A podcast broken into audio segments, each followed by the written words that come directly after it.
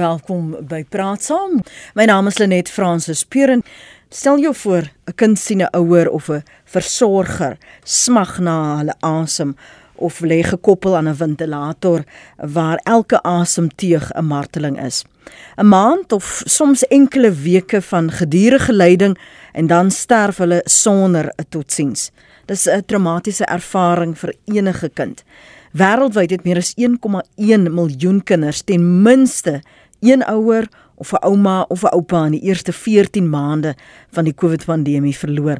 Sielkundiges meen ons sal eers met verloop van tyd agterkom hoeveel emosionele en geestelike verliese daar wel vir ons kinders was. So vanoggend kan jy praat oor jou kind, oor jou Peter, 'n uh, tiener of jong volwassene se leefervaring met hierdie pandemie. Ek het net gister geluister na die departement van onderwys in die Wes-Kaap se se LER daar, uh, Schuyfer, wat sê hulle gaan terugkeer na 'n rotasie basis. Nou dink jy en stel jou voor hoe 'n gesukkel dit is vir 'n graad eentjie wat nou leer sin maak of moet probeer sin maak en jy as ouer of onderwyser moet dit in daardie prosesse probeer bestuur. So vanoggend praat ons oor kindertrauma en COVID. Ons gaste is Dr Erika Hietge. Sy's 'n beraader in privaat praktyk. Goeiemôre Erika, welkom. Môre hulle met en Karen. Dankie vir julle tyd. Loop jy my sommer vooruit ook. Baie welkom ook aan jou Dr Karen Smith. Uh, Sy's 'n opvoedkundige sielkundige in privaat praktyk. Welkom Karen. Baie dankie Lenet en aangenaam. Weer eens hulle uh hallo vir jou Erika Wes. Erika, kom ek val met jou weg. Hoe het hierdie pandemie kinders se ontwikkeling en sosialisering beïnvloed?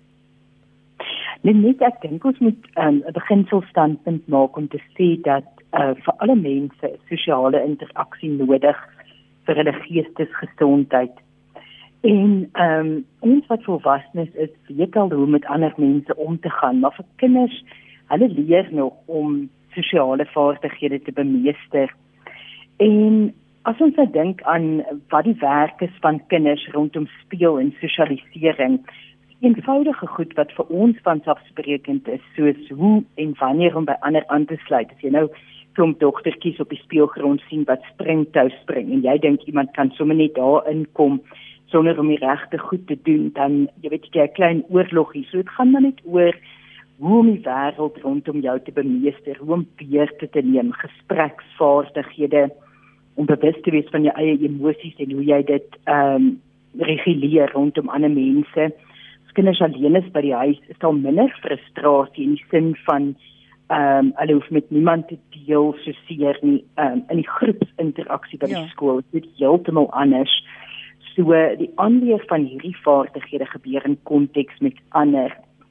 Nou sien ons dat formatiewe ehm um, sosiale ervarings nie noodwendig tot die mate plaasgevind het jy het gepraat oor graad eentjies en um, ek dink ook aan uh, jonger kinders soos kleuterskoolkinders. Ja.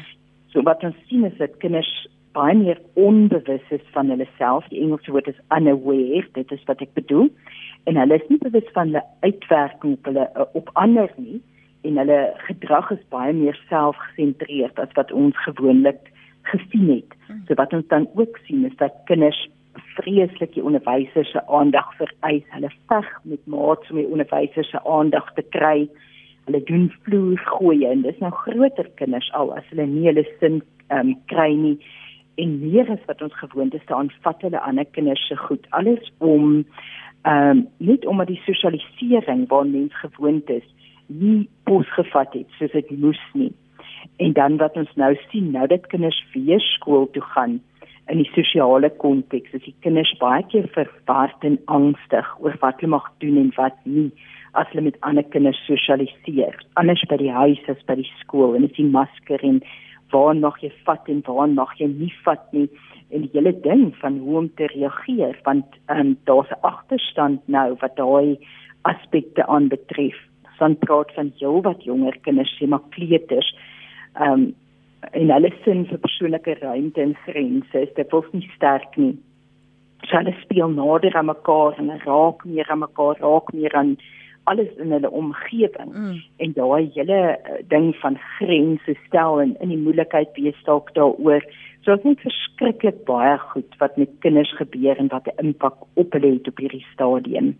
Ek wonder nou sommer vinnig terwyl jy praat en daardie scenario's skets, uh hoe ouers dit hanteer het om kinders vir sulke lang tydperke in die huis te hê in een kant en dan ook wanneer daar tuisonderrig moes plaasvind, hoe ouers dit enigstens uh, gedoen het, hoe hulle hulle lewens moes inrig om klas te gee.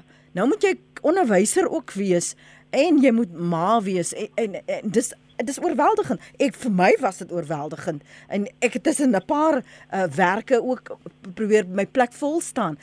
Die feit dat kinders terug gaan skool toe. Baie ouers het nie geweet hoe berei hulle kinders voor die uh, Karen.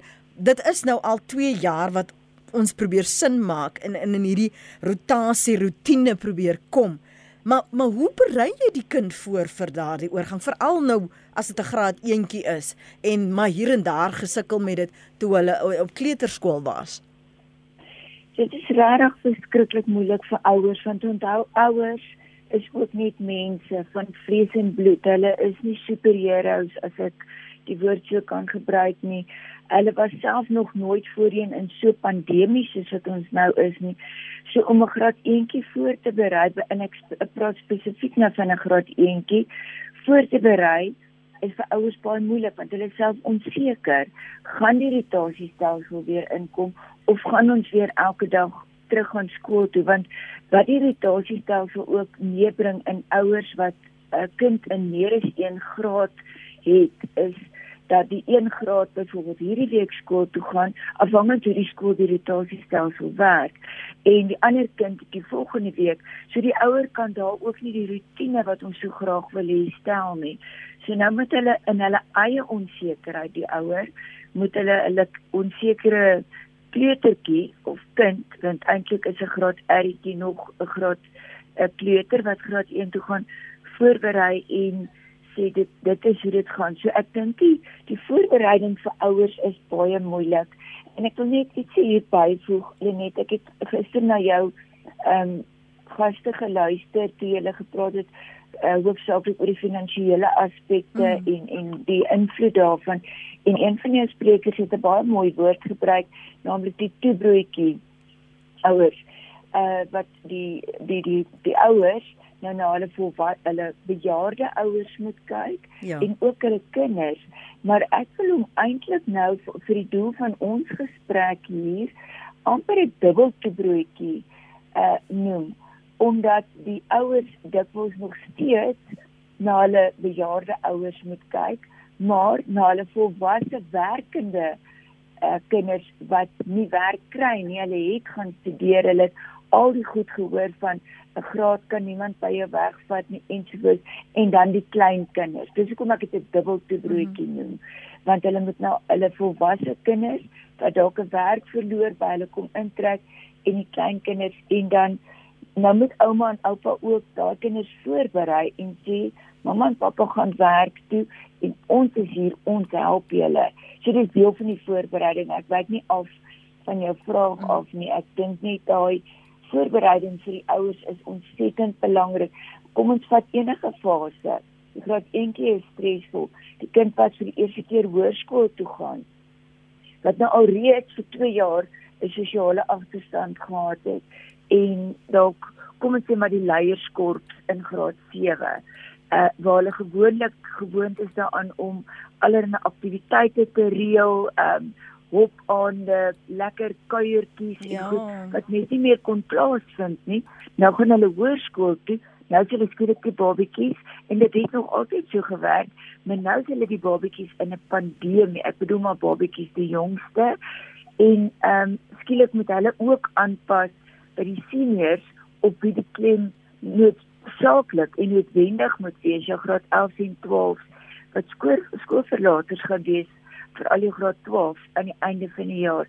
So reg deur die spektrum, so ek sê is voorbereiding vir ouers baie meer uitdagend, challenging sê vir my amper bietjie meer, mm -hmm. maar is meer 'n uitdaging vir die ouers om om om kinders voor te berei hoe om te gaan. Want die ouers het self hulle eie angs en hulle spanning. Hulle weet nie wat by hulle eie werk aangaan nie. Ehm um, hoe lank werk ek nog?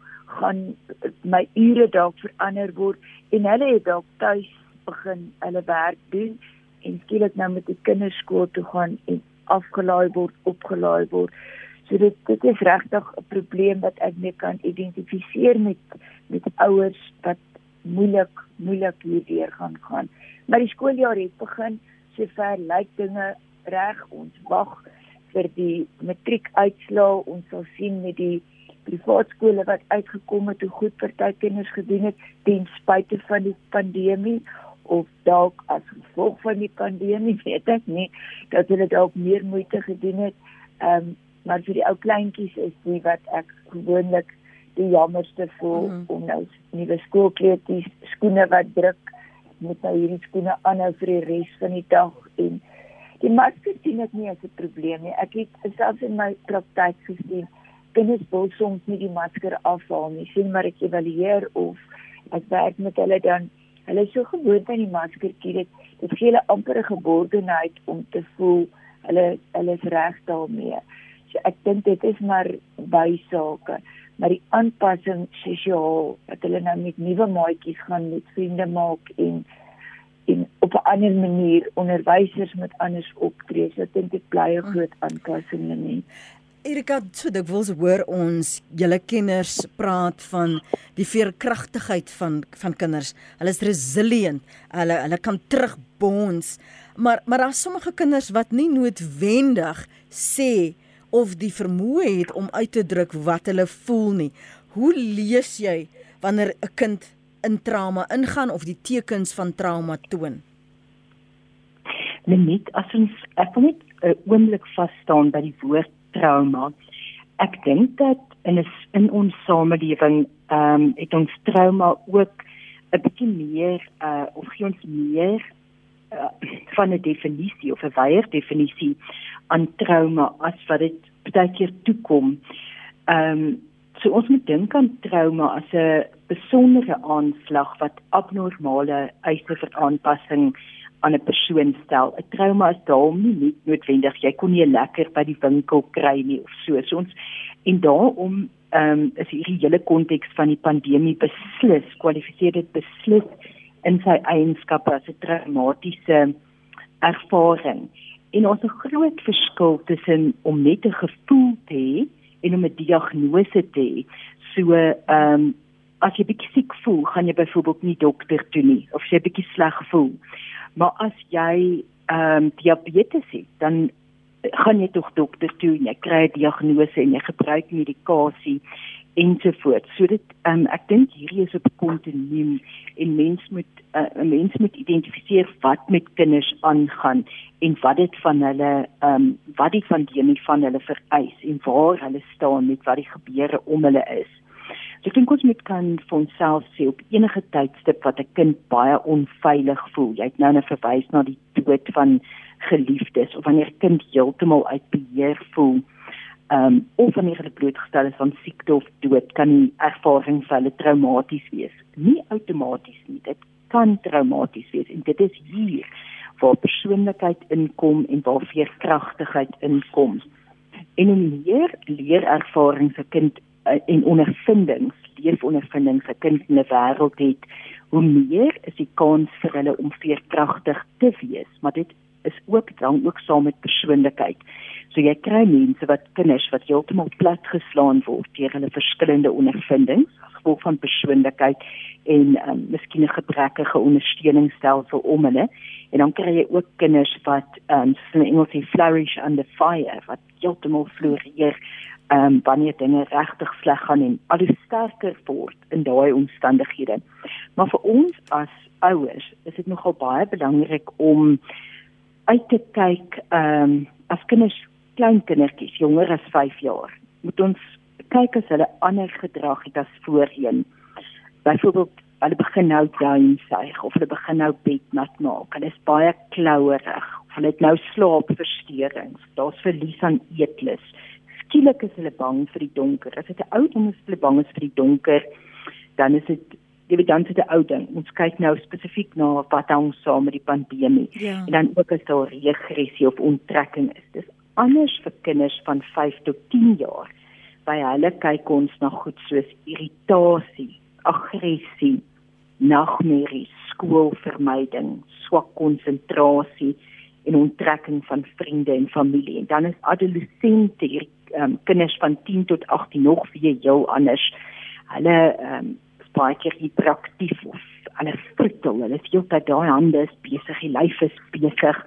Daar's dikwels slaap en eetversteurings. Hulle manifesteer ook soos die middelgroep met ehm um, irritasie skielik sien mens baie meer konflik, maar dan moet ons dit ook in verband bring met die ouderdomsgroep waar hulle bereid is ter wille van hulle ehm um, individuasie om in meer konflik te gaan. So ons moet dit kan ehm um, ons moet dit kan in verband bring. Is dit met die pandemie of is dit nou hulle ouderdom?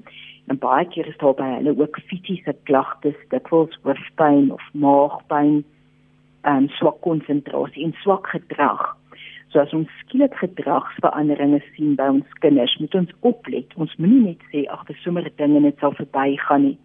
Ongelooflik belangrik dat hierdie gedrag of hierdie probleme nie groter en groter word nie en dat ons met ons kinders kommunikeer en ons moenie wag vir môre nie. Partykeer sê ons um, ter wille van sensitiwiteit vir die kind, jy wil nou nie inmeng nie of jy wil nou nie te veel aandag aan 'n ding gee nie. Kom ons praat môre daaroor, ons kyk of dit oorwaai. Kinders en onsself het nodig om te sien dat mense ons liefhet, dat hulle in ons belang stel, dat ons beste belang ook hulle 'n waarde is ja. in hulle kop. So, um, dit is maar die dinge waarna ek sou voorstel dat mense kyk. Wat wil jy uh, byvoeg Karen?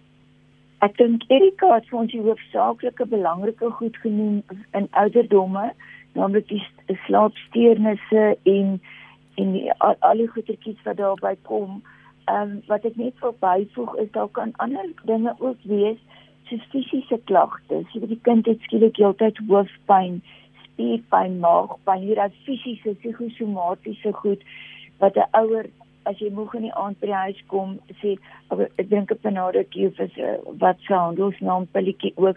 So hier wil ek vir ouers ook vra oppas om te selfmedikeer en kinders self as daar 'n probleem is wat ten minste vir 2 weke daar is dat hulle eerder die fisiese simptome ook by 'n dokter net moet uitklaar. Ehm um, want kinders kan klouerig en klarig raak en as hulle nie aandag kry nie, dan gaan dit oor na die fisiese uh, uh pyne wat hulle dan het. Maar wat iets anders wat vir my ook baie ehm um, belangrik is is dat daar kan 'n verskil in eetlus kom by die kind. Ja. Soos of te veel of te min eet of oormatige naalskou en dan 'n ander een wat baie mense nie altyd weet nie, is hare uittrek. Dat kinders hulle hare sit en uittrek. Daar is 'n diagnose daarvoor en dit is een van die goed wat 'n kind doen dit bring vir hulle 'n bietjie verligting dit is vir ouers baie ontstellend as daar 'n kol op die kop is wat skielik nie meer hare het nie dat hulle daarna moet kyk maar ek dink dit is baie belangrik dat mens wanneer daar enige van hierdie simptome is wat jy bed nat maak kan mens hanteer as dit nie elke nag is nie maar selfs dan moet mens daarna kyk en slaapsteurnisse soos nagmerries maar om eerder professionele hulp en ons gaan later praat oor professionele hulp, maar die fisiese aspekte gaan liewer huisdokter toe begin daar, dis die persoon wat die gesinsomstandighede ken, dis 'n betroubare persoon ook, dis nie nog weer 'n vreemde mens wat die kind ehm um, gaan sien nie. En dan moet die ouer natuurlik uh ook na hulle self kyk. Soos ek net nou gesê het, ouers is nie superhelde nie hulle moet ook na hulle self kyk en hmm. na hulle eie gesondheid. Ehm um, ietsie anders wat belangrik is wat jy voor die breek gesê het, nou moet die kinders skool toe gaan en um, nadat hulle dalk 'n ouer, 'n maatjie, 'n onderwyser of enige iemand baie na aan hulle verloor het, ehm um, of selfs grootouers wat baie meer kwesbaar was in die vorige ehm um, ding wat ons gehad het uh, dan is baie belangrik om na die rouproses te kyk net. Ja. Dat 'n kind professionele hulp en die ouers ook alles wat 'n persoon baie naby aan hulle was.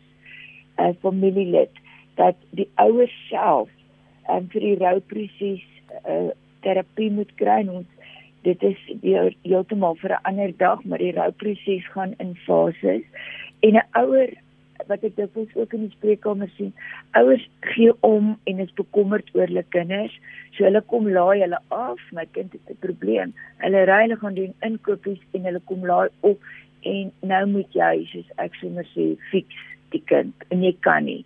Dikwels het daai ouers self ook hulp nodig met die rouproses want 'n ouer wat in beheer van hulle lewens is al is hulle nie regtig heeltemal nie maar net ten minste aan die kind uitstraal dinge gaan oukei okay wees my kind.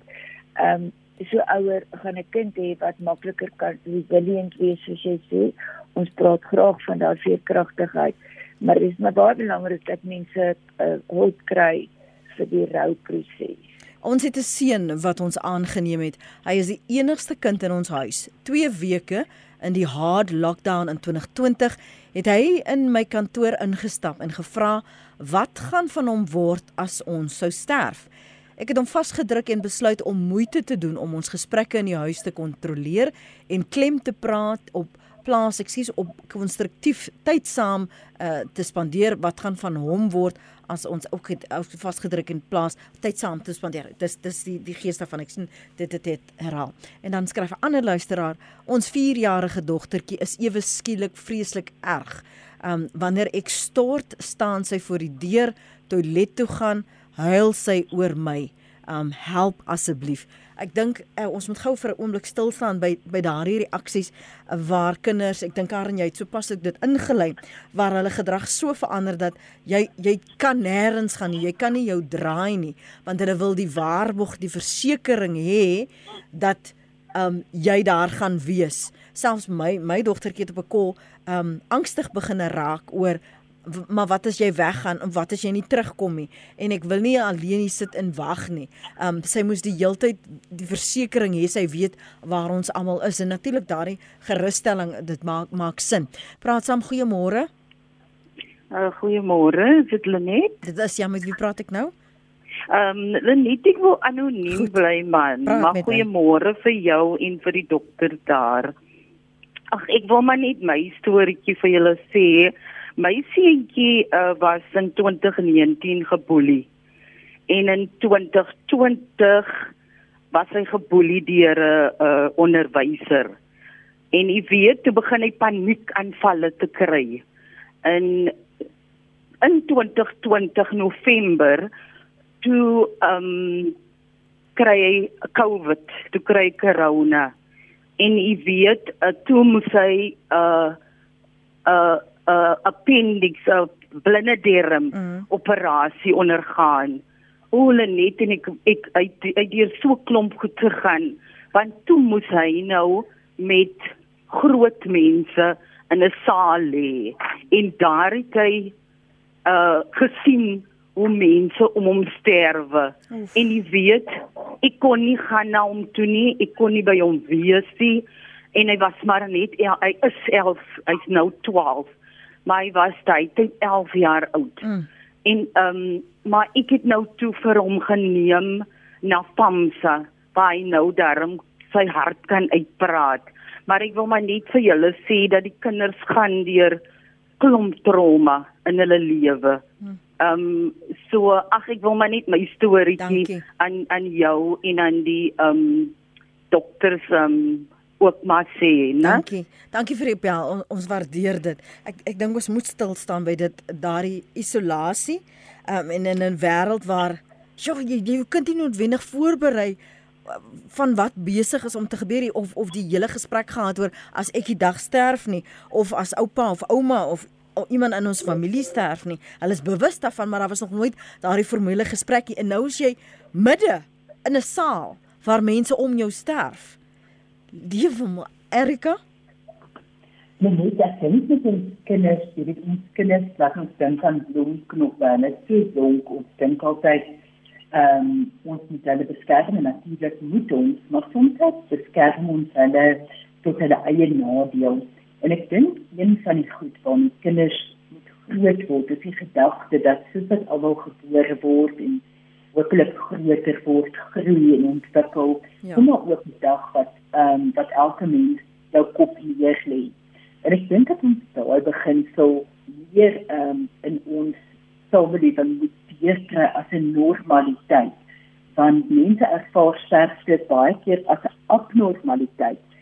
Nou dit is nie niks weg van die feit dat ehm um, jy weet van die gevalle waar waar luisteraars geskakel het en ons stel van absolute komplekse trauma wat plaasvind by baie mense. Daai ja niemand van ons ehm um, ek kon dink dat baie jong mense wat eintlik aan geen ander siektes ly nie en dan nou COVID kry op relatiewe jong mense so sou sterk nie dat ehm um, kinders sonder ouers gelaat word nie. Wat dink ehm um, ek wil sê wat 'n mens self doen met elke ander persoon doen nie maar um, in ons huis het ons nogal probeer om ons kinders 'n algemeenheid te maak dat mense kan sterf. Dis nie buitengewoon nie almal sterf dis gegee en um, ons het ook praktiese goed probeer doen as ons sterf. Um, hoe wat doen 'n mens as jou ma of jou pa sterf?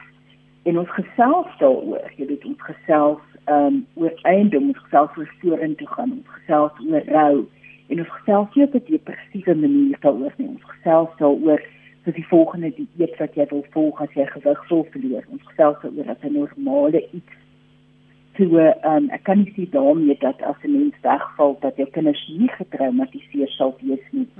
Ehm um, maar ek dink mense moet nie beskou as iets wat nie kan gebeur nie.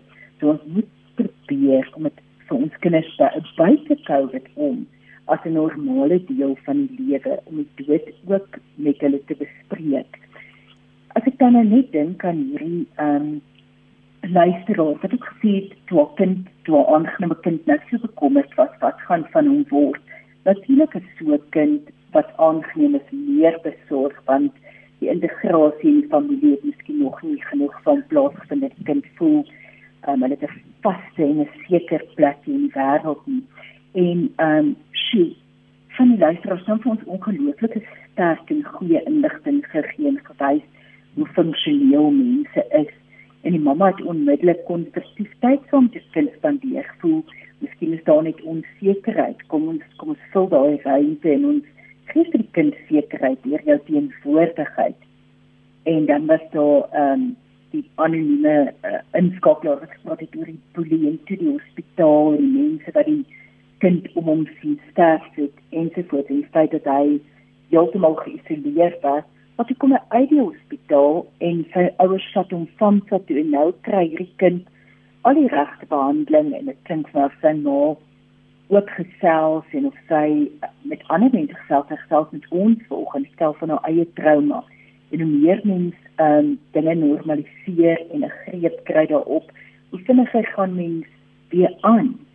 En ek dink aan jou wat ook gepraat het van jou eie ondervinding, ehm um, daai angstigheid rondom waar ouers is of hulle veilig is dat jy net badkamer toe wil gaan met jou kind te saam.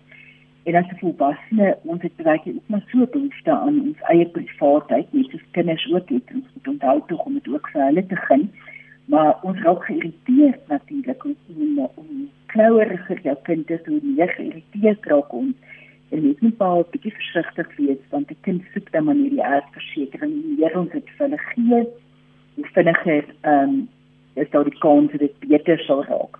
Maar dit is ook maar ons oog moet hou op wat gebeur sodat ehm um, as dit erger raak dat ons dan vir die ouers wat ook uh, ingebou het dat ons maar 'n professionele dienste inbring dink oorhoef is die goed wat in 'n tyd soos hierdie ongelooflike belang moet geniet.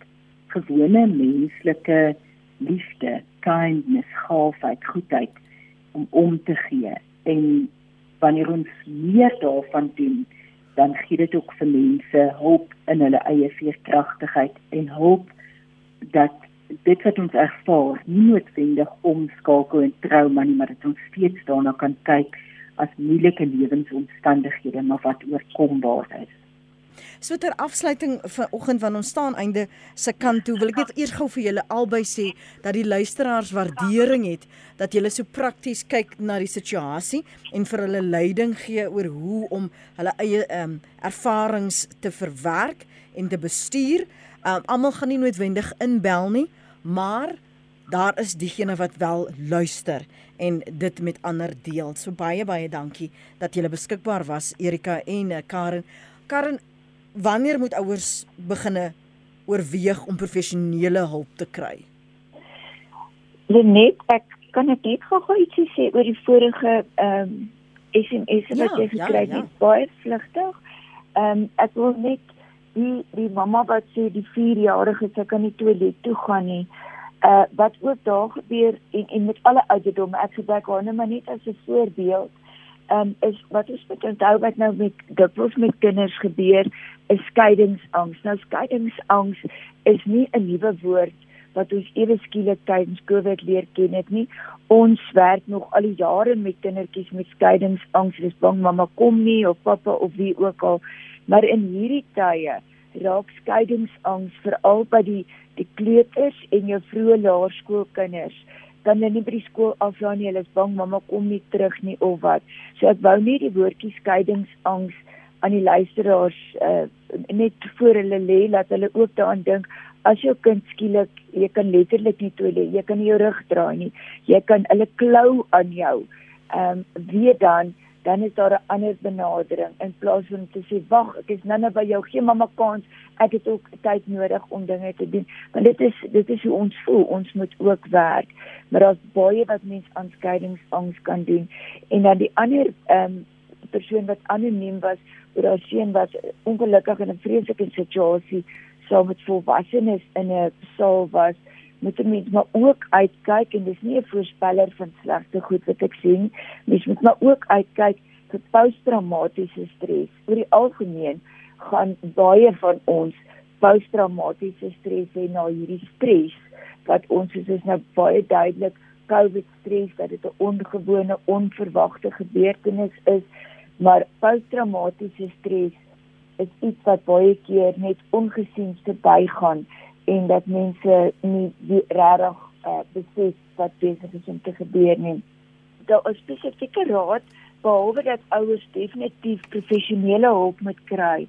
Ehm um, is uh, wil ek net hier sê 'n nuwe ding wat nou nogal redelik algemeen by ons raak, veral in die tyd toe ons regtig nie mag mense gesien het nie, is. Teleterapie er begin 'n algemene term raak die mense self te siek is of nie die vervoer of die moontlikhede het om ons te kom sien nie dat ons dan op enige eh, platform of dit Skype of selfs video oproepe, video WhatsApp video oproepe teleterapie kan doen. Hmm. Dit werk baie goed met tieners byvoorbeeld volwassenes met 'n kleutertjie gaan dit nie so goed werk nie want daar wil mens eerder spelterapie doen maar as 'n mens dit mens kan daarby ook verbykom so hulp is altyd beskikbaar al kan mense nie by jou uitkom nie hulle kan aan die ander kant van die aardbol sit en jy as as dit 'n kind is met wie jy 'n verhouding opgebou het is teleterapie net 'n normale want hulle is nou so gewoond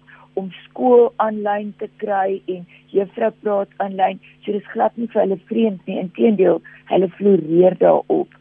En dan dink ek dat ek net vir die ouers ook wil sê, hou by 'n rotine. Rotine is verskriklik belangrik. Ek weet dit is beklemtoon dit altyd, maar dit is veral nou nog meer belangrik.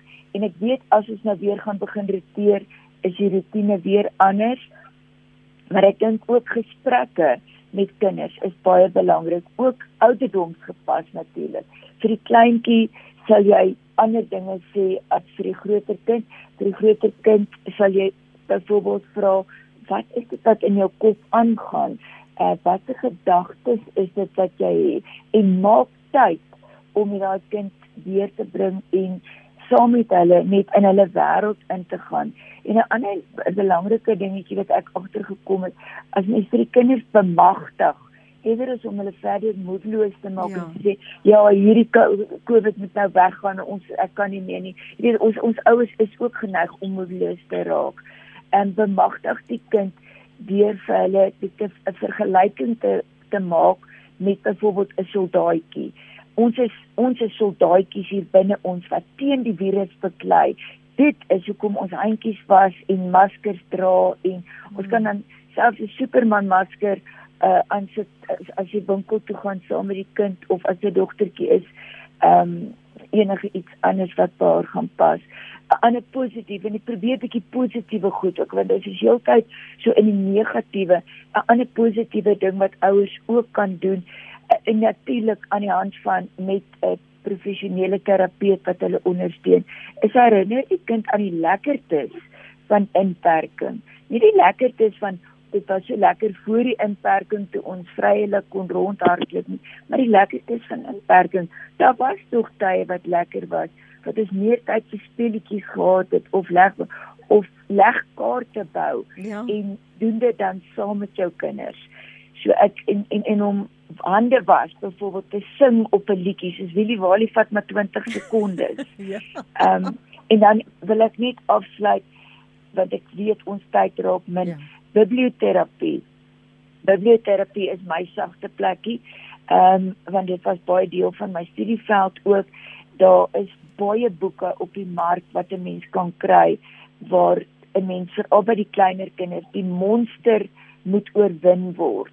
So hierdie virus is ons monster en as ons hierdie monster in die boeke kan oorwin en daar's verskillende boekies ek wil nie eers nou name begin noem nie maar daar is baie boeke wat nie net binne vir Covid geskryf is nie maar waar die monster oorwin en dan afsluitend de, wil ek net sê daar is 'n baie oulike boekie wat deur die Afrikaans deur Jaco Jacobs geskryf is Coronavirus 'n boek vir kinders en hy's by Lapa beskikbaar. Dankie daarvoor. So dit is ook 'n baie oulike boekie wat myself op 'n e-boek kan aflaai as jy nie in die winkels kan kom nie. So dis 'n Coronavirus boek vir kinders uh wat mens ook baie help. Jaco Jacobs se se boek daar by Lapa. Ter afsluiting van jou kant Erika, jy het so 'n minuut en 'n half. Dit is net so mense aanmoedig om die lewe te sien, terwyl ons nog leef, kom ons leef om voluit en met baldadigheid te vreugde, kom skep vir ander mense vreugde, kom ons gebruik ons geleenthede, kom ons vermy paranoia en dan vir my 'n verskriklike belangrike iets vir mense om te help met ehm um, die hantering van angs en hierdie tyd om mense grond in die huidige deur ehm um, so maklike ding om te sê in jou kop. Kom ons gaan na dit wat is en nie na dit wat as. Wat as ons begin sê wat as, wat mm. as en plaas ons onsself in die angstigste plek as ons sê wat is en ek kan net byvoorbeeld sê wat is ek sit hier op 'n gemaklike stoel. Dit is die son skyn buite. Dit is ek is op hierdie oomblik gesond. Dit is ek het ontbyt gehad. Dit is ek voel vriendelik, ek voel vrolik. Dit is my familie nou leef en is gesond. Dit is ehm um, en as ek kan na wat as ek kan eers begin om te beskryf wat al die ehm um, gedagtes wat deur my kop kan gaan en hoeveel angs dit my sal gee nie. So ek moedig mense aan bly by wat is en nie by wat as nie dan vir ons luisteraars, ehm um, ek wens julle daar die van floreer, mag julle julle vir kragtigheid gebruik en ehm um, floreer as daai vuur kom. Baie dankie vir julle insigte vanoggend hier op Praat Saam. Dr Erika Hietge, sy's 'n beraader in privaat praktyk en Dr Karen Smit, 'n opvoedkundige sielkundige in privaat praktyk.